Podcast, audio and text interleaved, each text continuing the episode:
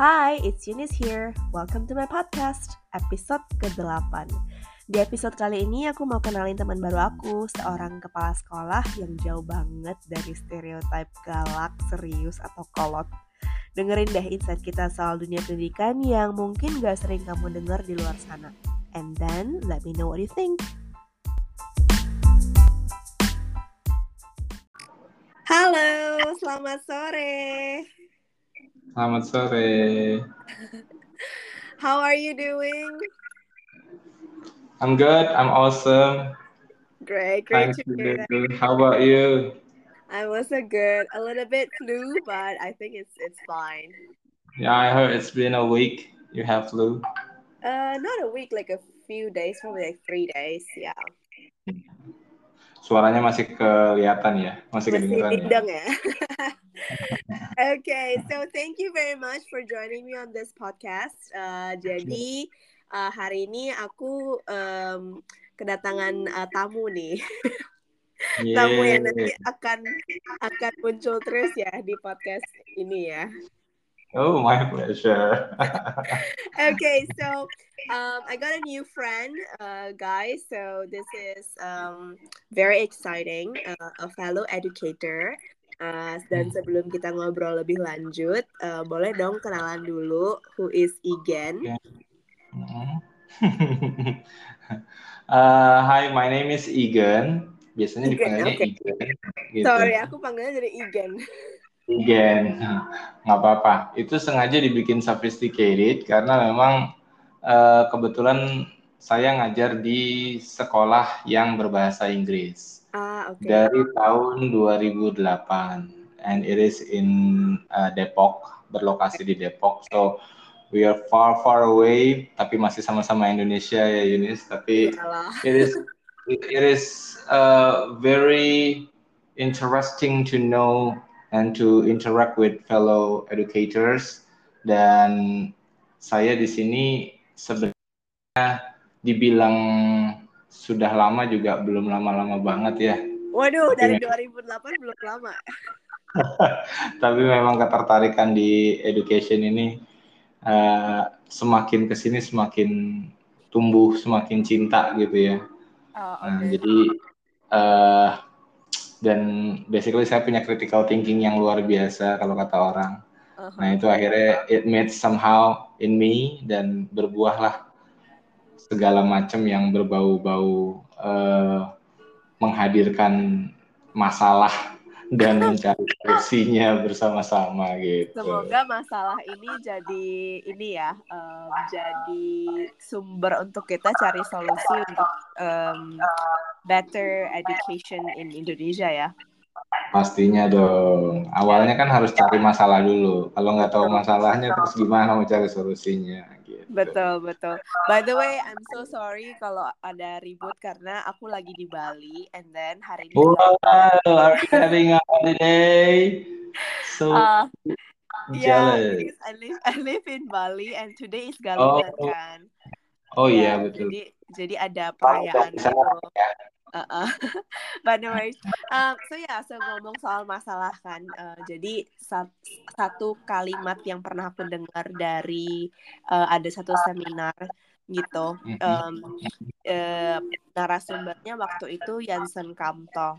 Itu bisa dibilang salah satu pionirnya startup lah ya di Indonesia. Mhm. Dan dia bilang tuh gini, Indonesia tuh gudangnya masalah. Tapi berarti gudangnya kesempatan gitu. Mhm, pada betul kita um, pada saat kita meng apa membuat satu produk atau uh, satu layanan tertentu itu kan uh, esensinya adalah menyelesaikan masalah-masalah itu gitu. Sedang sehingga um, produk produk atau jasa itu akan dipakai oleh masyarakat gitu. So in a way we are banget. we are happy that we're in Indonesia jadi banyak kesempatan yang bisa jadi cuan ya gitu ya Iya, betul betul. It is about converting the challenge Iya, becoming opportunity gitu kan. Iya, Nah, iya. tapi kan itu butuh tahu ya, butuh tahu masalahnya seperti apa dan skill juga pastinya and experience Mm-mm. karena itu betul-betul eh, bukan sesuatu yang bisa dianggap enteng dan bukan juga sesuatu yang dianggap sulit. Jadi it's quite tricky tapi bisa lah di uh, develop untuk diri kita masing-masing dulu. Yap, yap, yap. Berarti yang kita bakal bisa bahas ya dalam uh, terutama untuk pendidikan ya. Tapi kita nggak mau serius-serius banget ya nih ya. Iya dong. Pak Guru. Beda bedanya kita uh, kalau Yunis memang di non formal ya. Kalau yeah. saya kan di formal. Kalau udah ngomong formal tuh kayaknya wah ini bakalan kayak guru banget kalau ngomong gitu. Kayaknya enggak juga deh. Saya emang mungkin setupnya agak-agak formal, tapi deep inside saya cukup rebel juga kok. Saya cukup ini juga kok, cukup santai juga. Cuma memang uh, professionally speaking ini tuntutan peran kali ya. Jadi mau nggak mau harus ditata omongannya kebiasaan begitu. So agak-agak naturally memang driven gitu ya. It's okay. Um, Alright, jadi kita mau bahas dulu dong. Uh, kita kasih tahu dulu nih ke um, uh, our listeners here gimana kita kenal gitu ya. Uh, hmm. Jadi pertama kali uh, kita kontak-kontakan itu dari DM Instagram. Yeah. dari um, uh, ada satu podcast nih yang uh, Igen um, um, hosting udah berapa lama ya uh, podcastnya?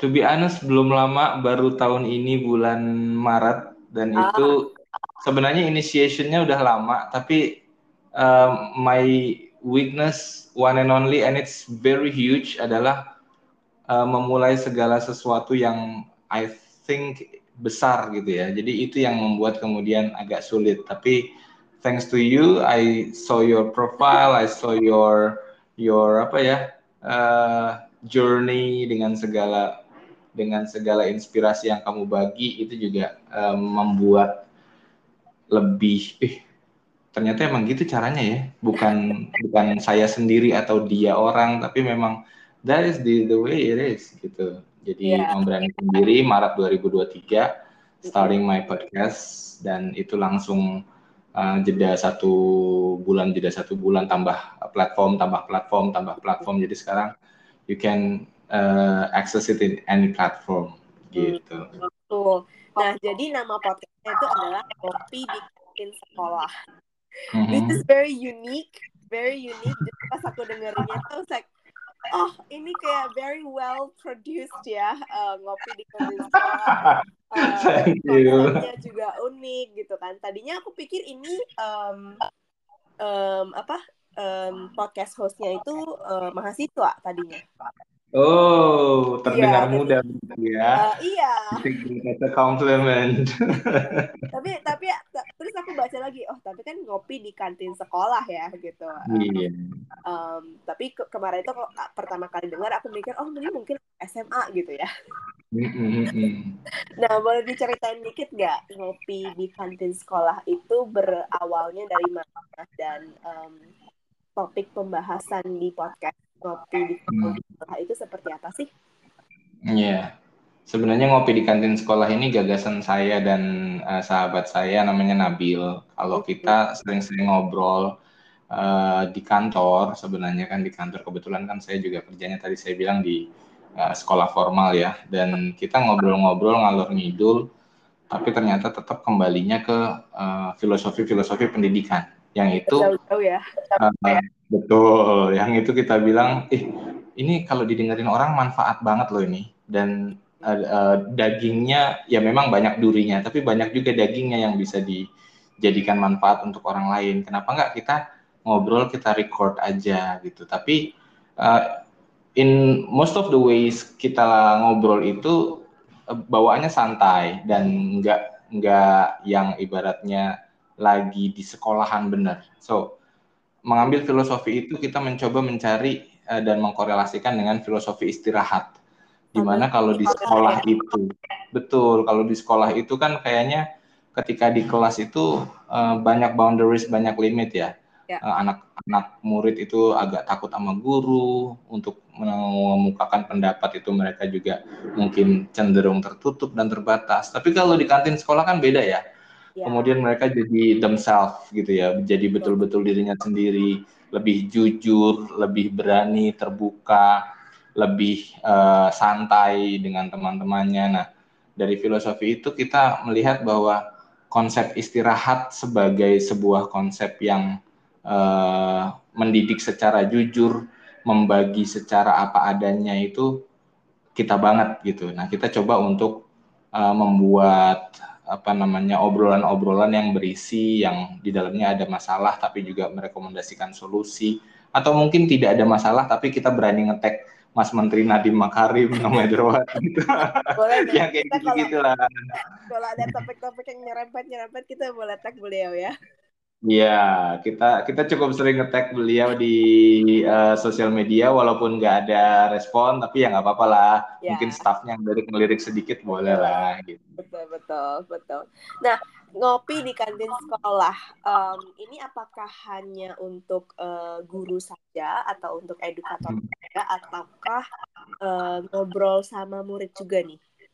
No, basically it's open for anyone okay. yang pernah mengenyam uh, bangku sekolahan gitu ya. Jadi uh, kita udah collab cukup intens dengan beberapa pihak lain. Banyak juga yang niatan collab tapi ternyata sebelum collab akhirnya collapse gitu ya collaboration aduh, ya. Aduh, aduh, gitu aduh. Gak apa-apa. Tapi kan paling ada niatnya ya. I knew it that you would go that way. Nah, I mean like uh, dengan Yunis ini luar biasa loh. Uh, akhirnya kejadian itu kan uh, dari rencana yang cukup random dan akhirnya kita betul-betul kejadian itu luar biasa. Uh, beberapa yang lain kami berkolaborasi sama uh, anak didik, sama peserta didik, sama siswa gitu ya. Kita mau coba membandingkan lintas generasi dari pandangan kita, dari perspektif kita. Emang ini tentang generasi atau mindset? Atau apa sebenarnya masalahnya kita hadirkan. Kalau memang masalahnya menyangkut uh, lintas generasi itu ya. Dan ada juga dari educators, fellow educators yang juga sama uh, berbagi pandangan dari lintas generasi, lintas pengalaman. Dan I invited juga dari sisi content creator yang uh, education juga sudah dengan yang non formal yang sebelumnya juga sudah tapi uh, like I shared to you earlier pejuang-pejuang private pejuang-pejuang sektor informal hmm. untuk uh, pendidikan informal itu juga uh, kita ngobrol waktu itu dan itu seru banget menambah insight baru yang not only limited in formal education. Ya. Yeah, gitu. Wah ini menarik. Aku udah langsung banyak mau tanya, cuman kita mungkin uh, satu-satu dulu ya. Nah, um, Alright uh, tadi ada bahas tentang formal non formal uh, itu aku juga ada pertanyaan untuk itu um, tapi I think we can go back to your expertise dulu kalau aku mm -hmm. uh, Igen kan mulai awal karirnya atau kuliahnya itu nggak di bidang pendidikan ya Iya betul sekali. Kita nggak sih? Saya... Nah, gimana tanya ada di pendidikan sudah lama pula dari sejak tahun 2008 gitu. Iya. Uh, untuk point of challenge yang itu sih sebenarnya udah lewat ya di tahun 2008 sampai 2011 lah kurang lebih tiga tahun struggle-nya. Hmm. Jadi uh, saya lulus dari jurusan ilmu komunikasi. Hmm di salah satu pendidik salah satu universitas terbaik yang ada di Indonesia yang berlokasi di Semarang. Sebut saja Universitas Diponegoro ribet ya ya. Tinggal ngomong aja kok ya. Ya so uh, lulus dari komunikasi harapannya kan kemudian ke ya something like this ya podcasting atau mungkin uh, any communication professional lah. Jadi uh, PR atau mungkin jadi jurnalis. Saya jadi jurnalis dua tahun di dua perusahaan eh, jurnalisme terbesar di Indonesia. Kalau yang itu saya mau nggak. Oke. Okay. Ya, saya, saya saya kerja di di dua perusahaan besar media di Indonesia dan kalau itu saya nggak perlu nyebut namanya mungkin ya. Dan saya coba uh, sesuatu yang lain karena memang jadi jurnalis itu bukan sesuatu yang gampang dan bukan sesuatu yang menyenangkan ya in fact jadi kemudian saya coba untuk uh, berkarir di dunia lain dunia lain waduh, dunia pendidikan masih dunia sebenarnya sebenarnya motifnya cuma pengen belajar bahasa Inggris pada waktu oh, itu.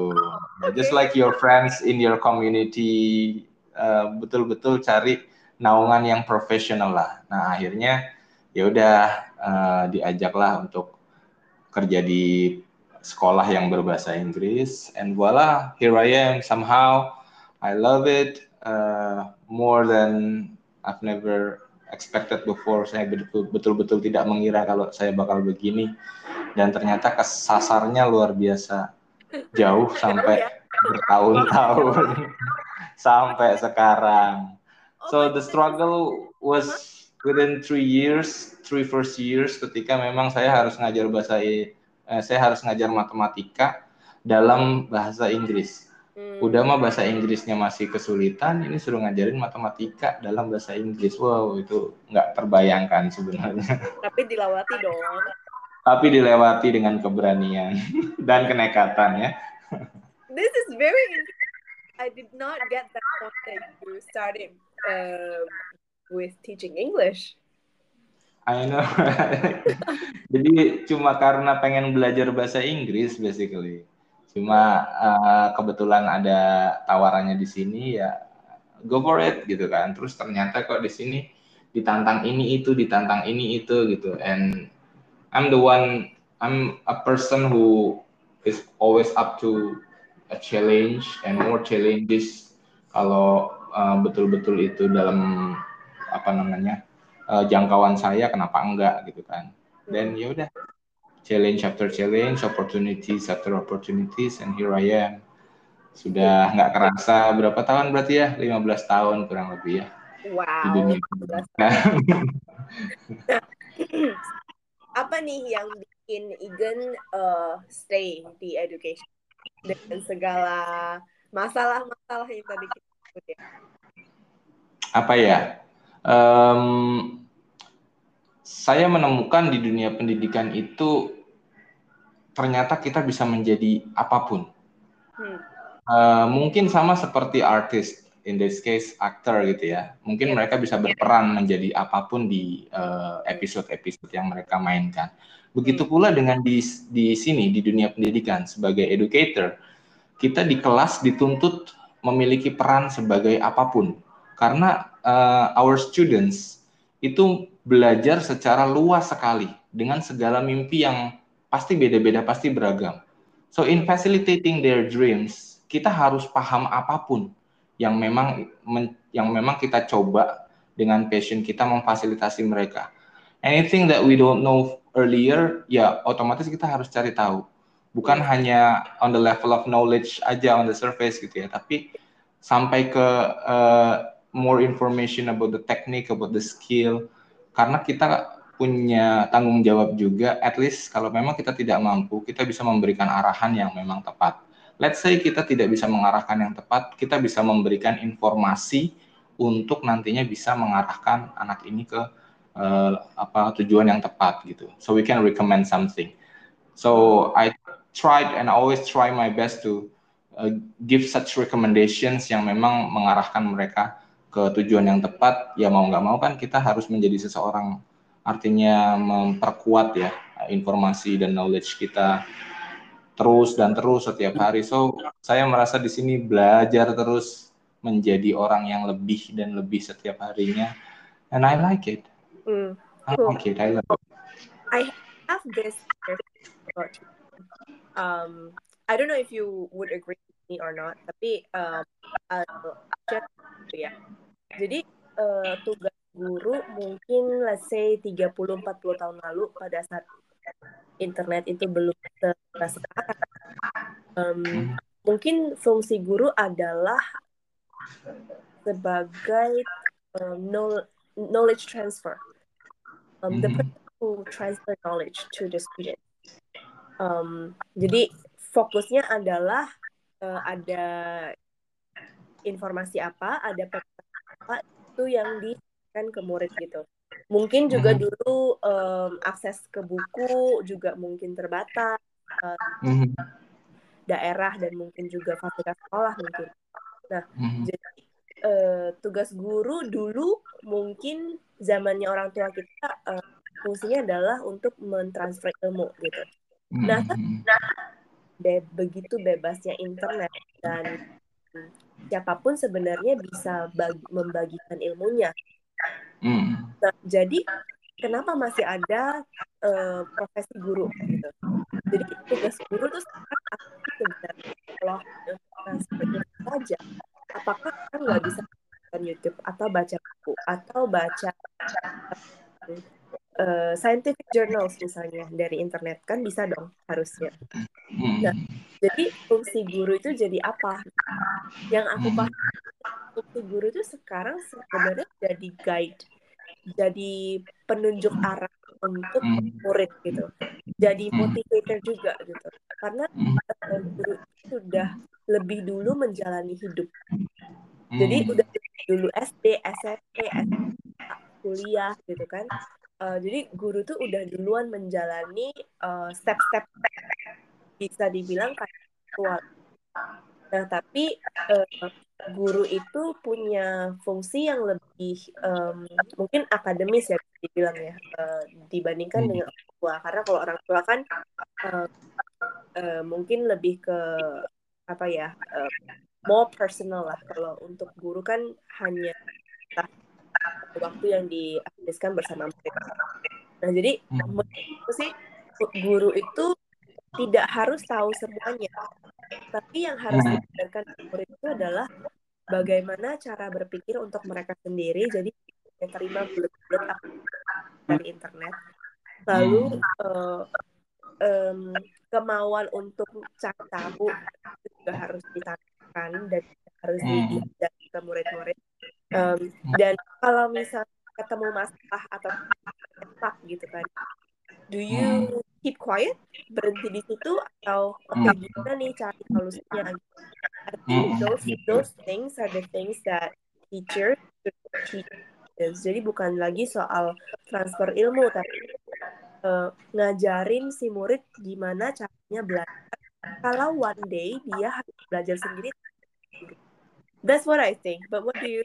Hmm. Hmm. Ya, ya. Um, sebenarnya setiap zaman itu ada uh, tantangannya sendiri-sendiri ya.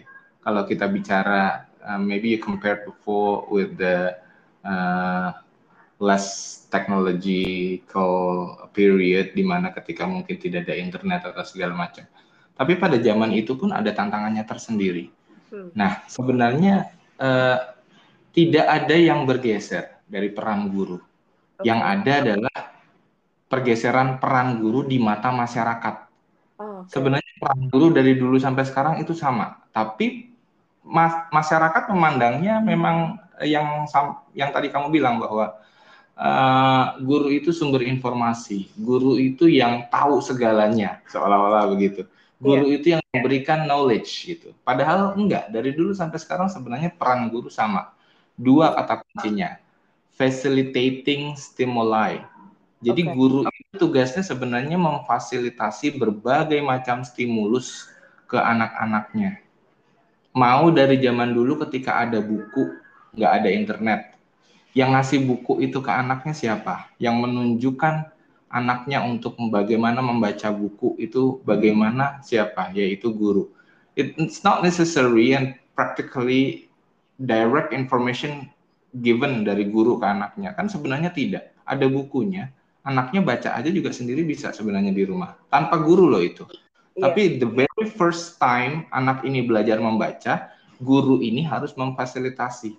Dan ketika memfasilitasi, dia tidak boleh kan memberikan informasi bahwa hey, this is how you shape A and the sound is A, gitu kan. This is how you shape B and the sound is B. Kalau hanya demikian, maka anak itu hanya mengetahui, tapi tidak bisa mempraktekkan sendiri. So then in that case guru harus memberikan lagi stimulus-stimulus berupa ayo kita tuliskan di papan tulis, ayo kita tuliskan di buku. This is how you write, this is nah. All the things that uh, the teachers give to students basically stimuli. Nah, permasalahannya yang dilihat masyarakat itu hasil akhirnya.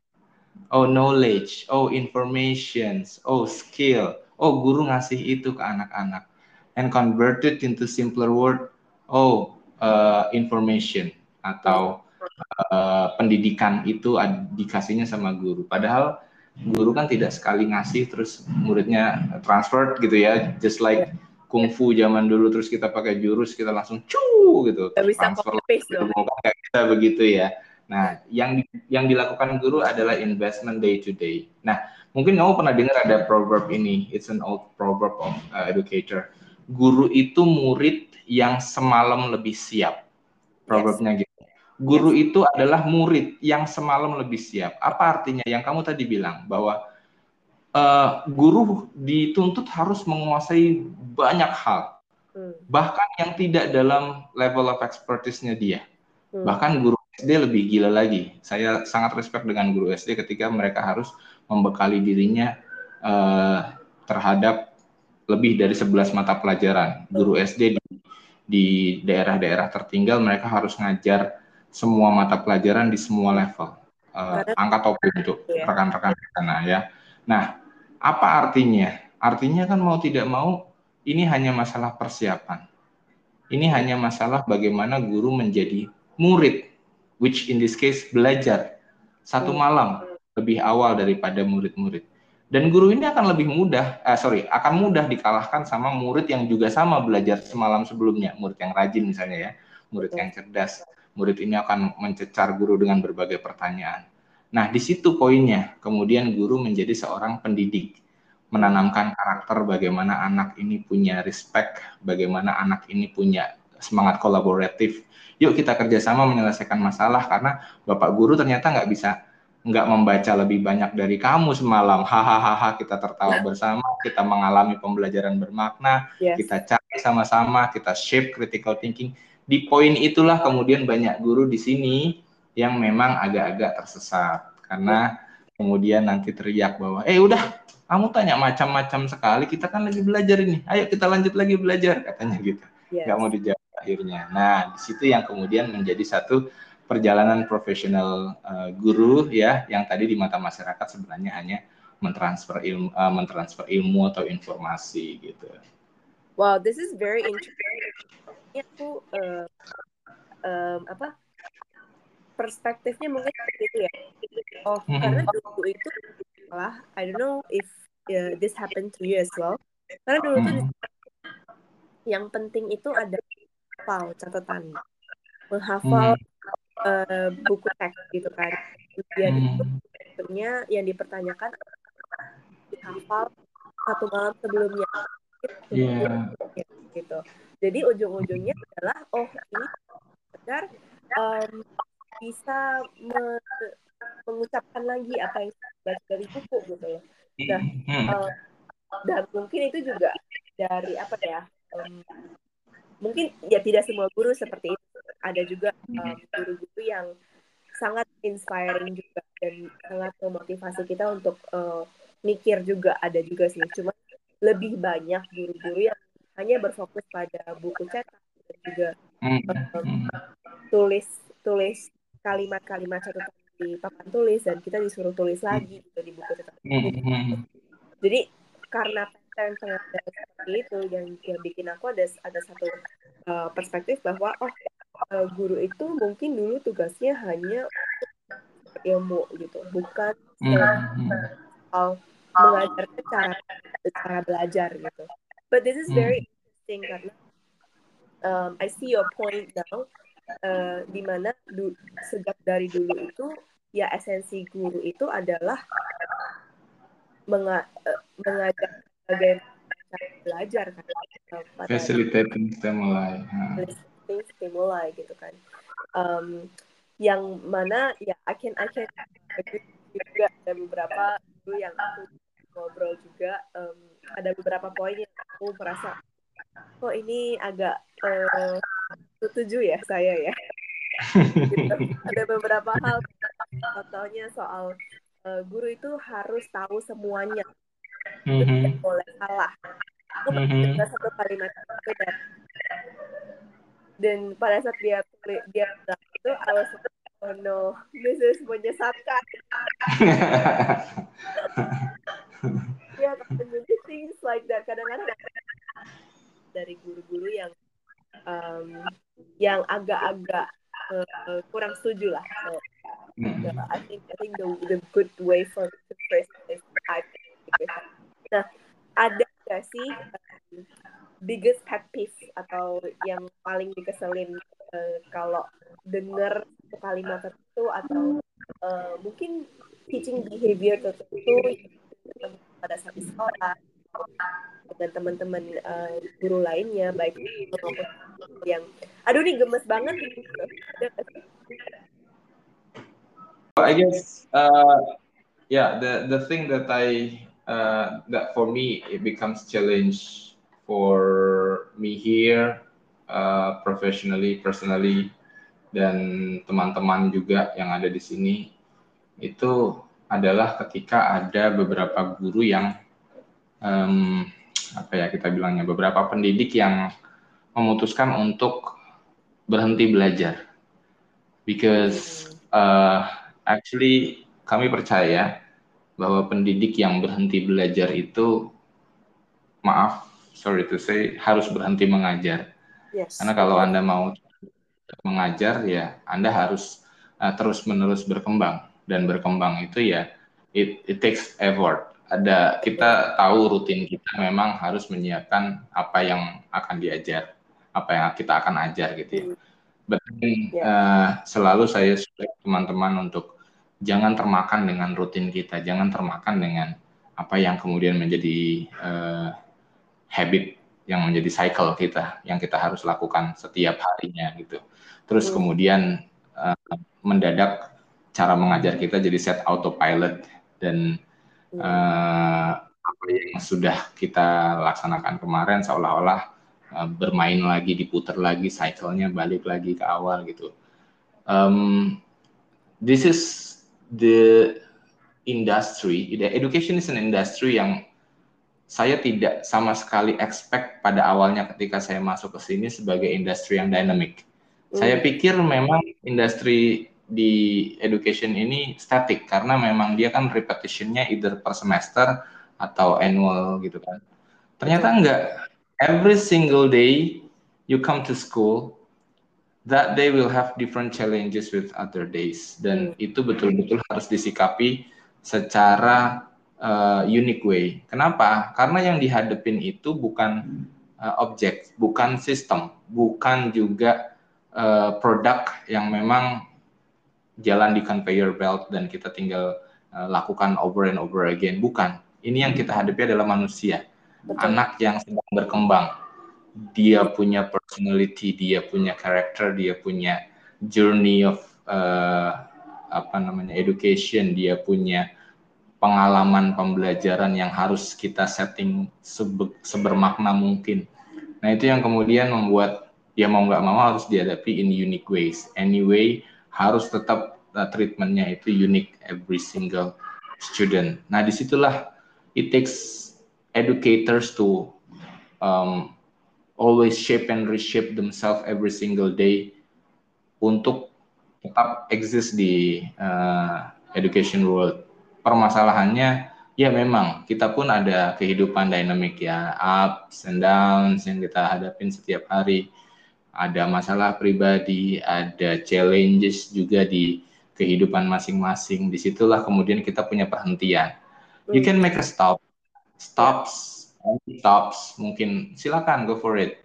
Tapi commit untuk back on track in any time you are feeling better, kemudian lanjut lagi berkembang gitu. I share with my fellow teachers, fellow educators here bahwa kita bisa berjalan pada suatu waktu tapi ingat juga pada uh, waktu yang lain bahwa kita harus kembali ke trek lari kita.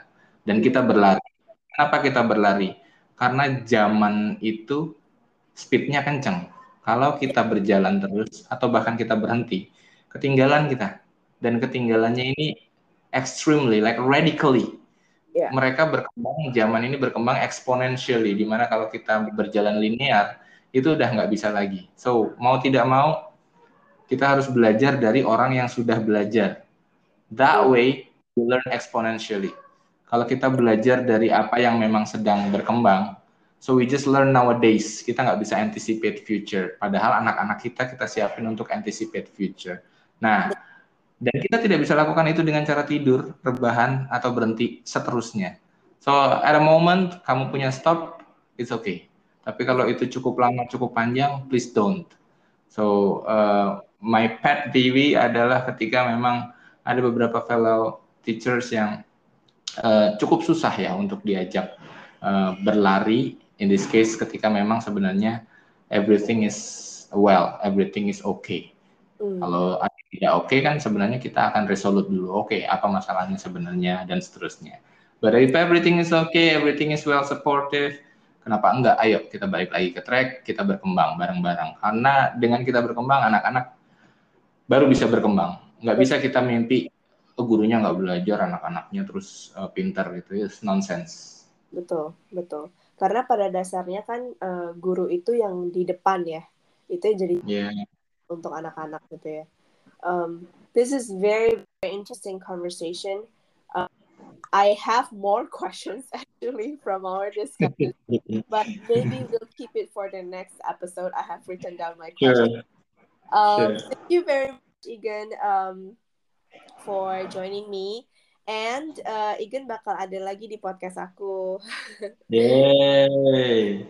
Selama kita... saya sudah meningkatkan format podcast saya yang lebih fresh lagi, saya pasti akan ada di sini dulu, yuk.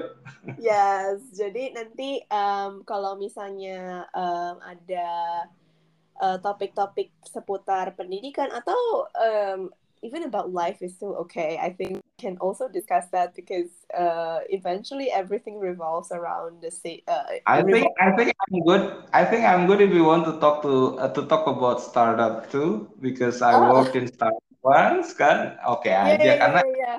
that would be some graduates some graduates uh, had their uh, homecoming ke sekolah saya di sini terus mereka bilang bahwa saya kerja di startup ini, saya kerja di startup itu, and I was like, kemarin waktu saya ajarin tentang startup, kamu pada melongo, sekarang kamu kerja di startup gitu kan. Jadi itu juga sebenarnya satu awareness yang harus kita naikin juga di education world. Apa okay with Ya, yeah, cool, cool. Ya, yeah. karena kalau bicara pendidikan, untuk aku ya pribadi ya, sekolah yeah. dan seperti miniatur kehidupan nyata. Uh, Indeed. Kehidupan uh, mau kehidupan pekerjaan, mau kehidupan pribadi, mau kehidupan uh, segala lini. Um, I believe uh, people learn um, for, uh, at school, and then apa yang mereka pelajari di sekolah itu itu yang mereka bisa aplikasikan di uh, kehidupan sehari-hari gitu. Jadi bukan uh, sekedar uh, science atau bukan sekedar uh, mata pelajaran yang ada di sekolah aja sih sebenarnya. Um, mm-hmm. means we can talk about a lot of things. Um, jadi buat teman-teman yang udah dengerin, thank you very much for spending your time to uh, listen to our insights and also um, our experiences. Uh, we really appreciate that. Um, if there any comment that you would like to share with us, please reach out to us on Instagram. My Instagram handle is Yunis Budiharjo underscore. Uh, kalau Igen boleh boleh dong share ininya? Boleh dong. Instagramnya di ngopi di kantin sekolah. Oke, okay. gampang ya carinya ngopi gampang di kantin. kan kata kamu harus unik, so I made yeah. the unique ones. Malah aku yang nggak unik nih, jadi kayak cuma nama doang. That's personal branding though. Tenang aja, saya juga bentar lagi bikin ah gitu ya. so reach out to us, uh, boleh DM kita, boleh banget diskusi uh, mau uh, kamu educator juga atau uh, anyone basically who has the mm-hmm. education or maybe just want to uh, get to know us further. Just reach out to us. Okay, thank you very much Egan uh, for joining me. Nanti kita ketemu lagi beberapa minggu lagi untuk bahas hal-hal yang lebih seru lagi ya. Yeay. Oke. Okay.